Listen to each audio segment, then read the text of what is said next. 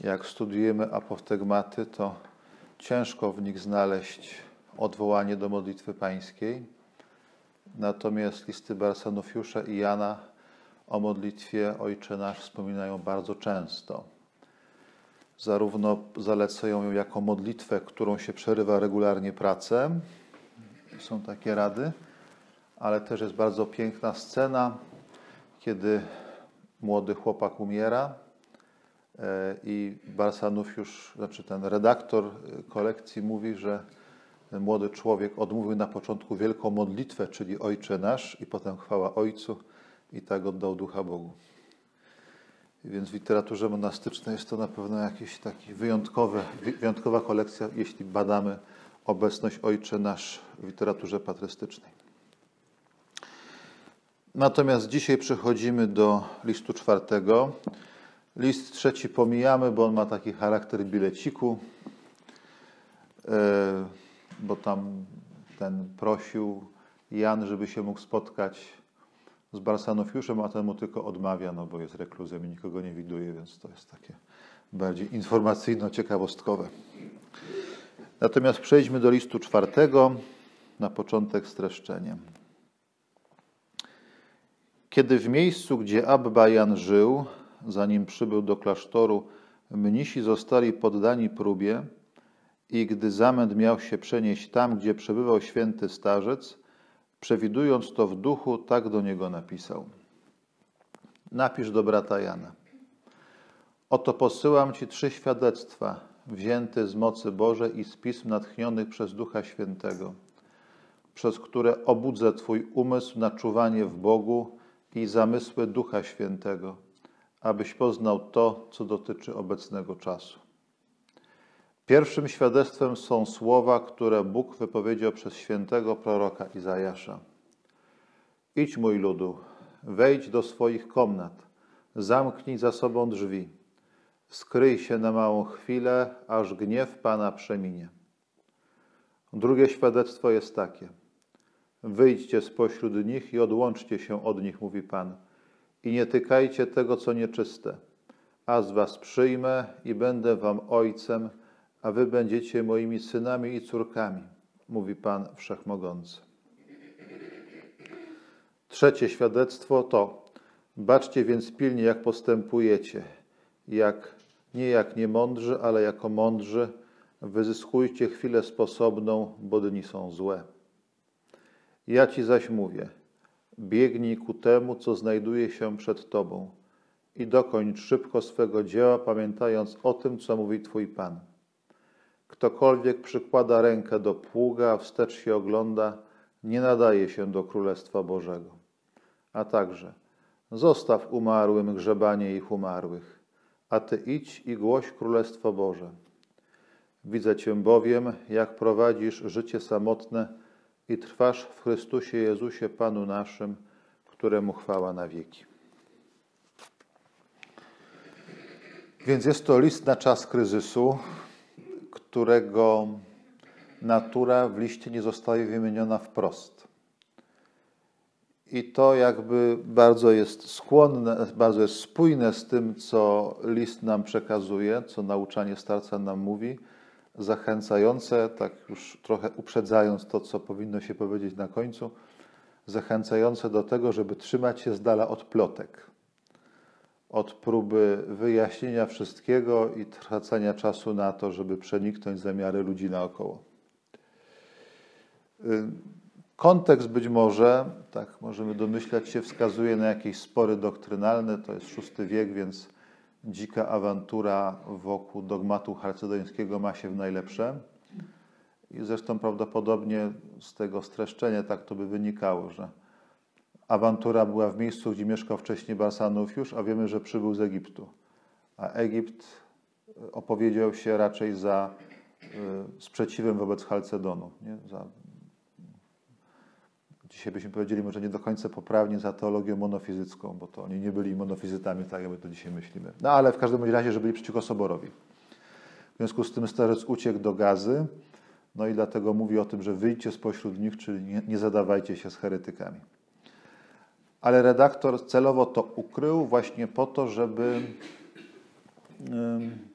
żeby dać taką receptę ogólną na czas kryzysu i takiej, takiej niepewności, co trzeba robić. Takie trzy rady. Trzy rady zaczerpnięte z Pisma Świętego.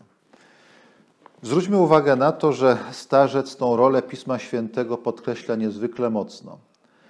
Posyłam Ci trzy świadectwa wzięte z mocy Bożej i z pism natchnionych przez Ducha Świętego. Takie dwukrotne nazwanie. Zresztą bardzo ładne, bo do tego, że Pismo Święte jest natchnione przez Boga, to jesteśmy przyzwyczajeni, bo to nam powtarzają jak mantrę od czasów katechezy przedszkolnej. Natomiast być może dużo rzadziej myślimy o Piśmie Świętym jako o mocy Bożej. Że jest tutaj ukryta moc Boża, więc też takie bardzo ciekawe określenie. I starzec mówi, co Pismo Święte z człowiekiem robi. Budzi umysł na czuwanie w Bogu i zamysły Ducha Świętego, aby człowiek poznał to, co dotyczy obecnego czasu. Więc jak widzimy, Pismo Święte jest taką, taką rzeczywistością niezwykle dynamiczną i proszę zwrócić uwagę, że jest przeciwstawione plotce. Że zamiast chodzić po ludziach i dowiadywać się, co powiedział ten, a co powiedziało tamten, co jedna ciocia powiedziała drugiej cioci, i zastanawiać się, i analizować, i myśleć, i nie wiadomo co robić, i żołądkować się, że nie jest tak, jak powinno być, to tym, co dla mnicha objaśnia sytuację, w której żyje, jest Słowo Boże. Tu od razu sobie możemy dopisać, tam dopowiedzieć, prawda, no, żeby w Słowo Boże wniknąć, to nie chodzi o to, prawda, że mam zamknięte Pismo Święte i sobie otworzę i o, to mówi Pan Bóg do mnie, bo się otworzyło tu i tu, nie? Tylko lekcja divina jest jednak bardzo takim systematycznym, regularnym wysiłkiem, poświęcaniem czasu i pewnego rodzaju, znowu jak modlitwa, stylem życia, jakby Słowo Boże przemawia w całości, w całości naszego życia. Kiedy uczymy się myśleć Pismem Świętym i stąd ta niezwykle ważna rola y, lekcja divina w naszym życiu.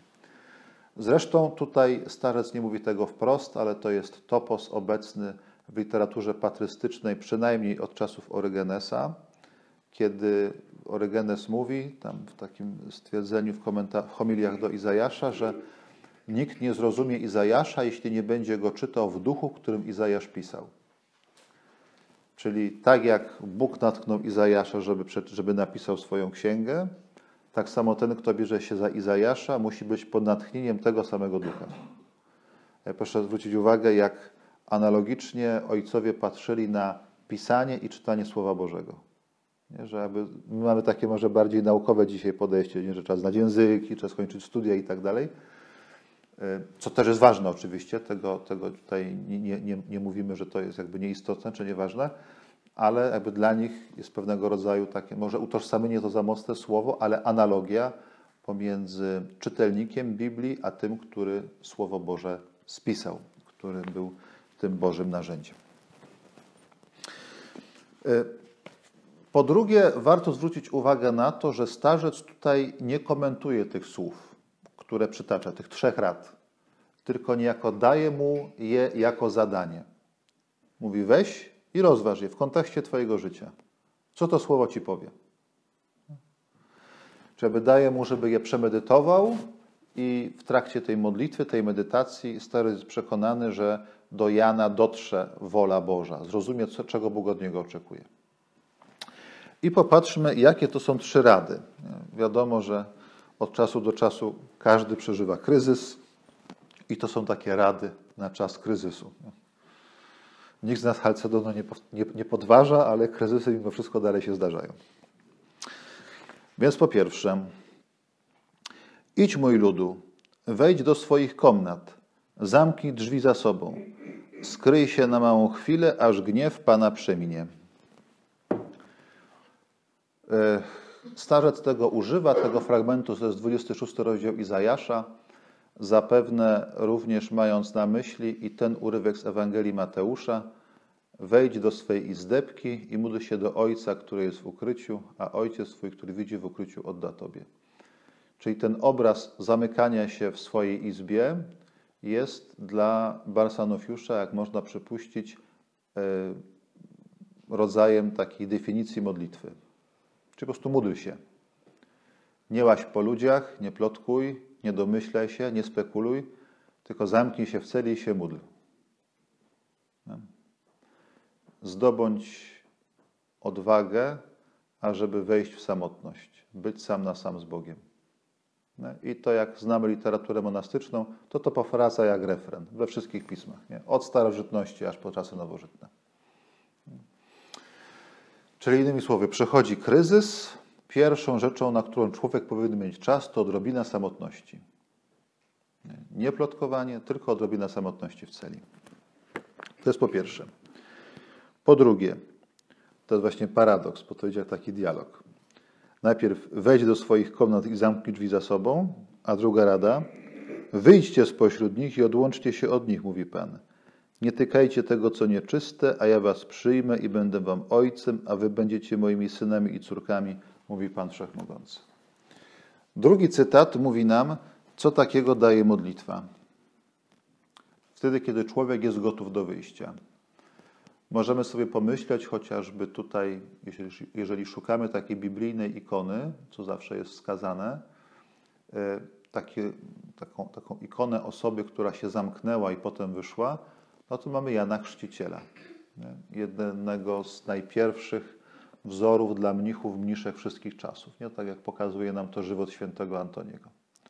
Nie Jan, który na pustyni żył, no pewnie nie od swojego urodzenia, prawda, samotnie, ale przynajmniej przez te kilkanaście lat e, i tam się modlił i pościł i ta samotność pustyni przyczyniła się, czy jakby pomogła mu dzięki Bożej łasce, że kiedy Jezus stanął w tłumie ludzi nie, nad, nad Jordanem, żeby przyjąć chrzest, to Jan go rozpoznał od razu. I tutaj mamy jakby analogiczną sytuację, nie? czyli wejdź do swojej izby, módl się, bądź samotności, a jak wyjdziesz, to wtedy jakby będziesz w stanie postępować tak, jak należy i ja będę Twoim ojcem. Nie? Będziemy jedną rodziną. Czyli obietnica. Tutaj zostaje w taki sposób pokazana. Tutaj też w tym drugim, w tym drugim fragmencie możemy też odwołać się do analogii z naszą regułą. Nie? Pierwsza rada to jest wejdź i ukryj się, bądź sam z Bogiem. Natomiast druga rada mówi, że jakby jesteś w ukryciu, nie widać cię. A druga rada pokazuje owoce. Jeżeli przebywasz na samotności z Bogiem, wcześniej czy później stanie się to widoczne dla oczu innych ludzi. Tak samo jak pierwszy stopień pokory jest bardzo głęboko ukryty nie, w duszy człowieka, a dwunasty stopień pokory, chociaż z pierwszym niezwykle podobny, nie, jakby analogiczny, z tą różnicą, że jakby ta, ta, ta więź z Bogiem wychodzi na zewnątrz, nie? że inni ludzie to widzą na samym końcu. Więc to jakby jest pewnego rodzaju podobieństwo. No i trzecia rada. Baczcie więc pilnie, jak postępujecie, nie jako niemądrzy, lecz mądrzy. Wykorzystujcie chwilę sposobną, bo dni są złe. Czyli trzecie wezwanie, niejako podsumowujące, e, i też można tak powiedzieć, y, łączące pierwszą radę z drugą. Pierwsza rada trwaj w samotności, druga rada spożywaj owoce tej samotności, a trzecia rada mówi, że jakby nawet wychodząc z celi, w dalszym ciągu bądź czujny. Nie? Według tego starego powiedzenia, że jak pijak wchodzi do celi, to ona staje się jego karczmą a jak mnich wchodzi do karczmy, to ona staje się jego celą. Nie? Więc to jest jakby dokładnie tak samo, nie? że jeżeli dobrze przeżyłeś swoją samotność, modliłeś się, modlisz się regularnie, to nawet będąc pośród ludzi, oni nie zabiorą ci tego skupienia. To nie są twoi wrogowie, jeżeli będziesz żył czujnie. Przy czym pamiętajmy o tym, że słowo samotność ma tutaj wymiar jak najbardziej E, pozytywny. Prawda? Samotność jest tym, co umożliwia spotkanie z Bogiem. Nie osamotnienie, nie? bo osamotnienie zawsze jest pejoratywne. Natomiast samotność właśnie nie. Jakby jest tą, tą przestrzenią, gdzie objawia się Pan Bóg. Ta trzecia rada również jest wezwaniem do, mm, do mądrości, tak jak słyszeliśmy, czyli takiego roztropnego postępowania, ale możemy tutaj również zobaczyć taką pewnego rodzaju aluzję do tego, co określamy E, rachunkiem sumienia. I końcowe zdania z Pisma Świętego, które mówi: Ktokolwiek przykłada rękę do pługa wstecz i ogląda, nie nadaje się do Królestwa Bożego i zostaw umarłym grzebanie ich umarłych. Czyli takie wezwanie ostatecznie do skupienia, do wyciszenia, czyli hezychi, e, do takiego życia świadomego, czego Pan Bóg ode mnie oczekuje i czego Pan Bóg ode mnie chce. Zatem takie są rady Barsanofiusza na czas kryzysu dla Jana. Myślę, że nic się nie zmieniło od tego czasu. Wszystkie te trzy rady i te podsumowujące je dwa cytaty w dalszym ciągu jak najbardziej są na miejscu i myślę, że warto przy nich trwać i jakby nimi się inspirować, żeby mieć czas i na samotność, na modlitwę, ale również na służbę tym, którzy czekają na nas po drugiej stronie drzwi naszej celi.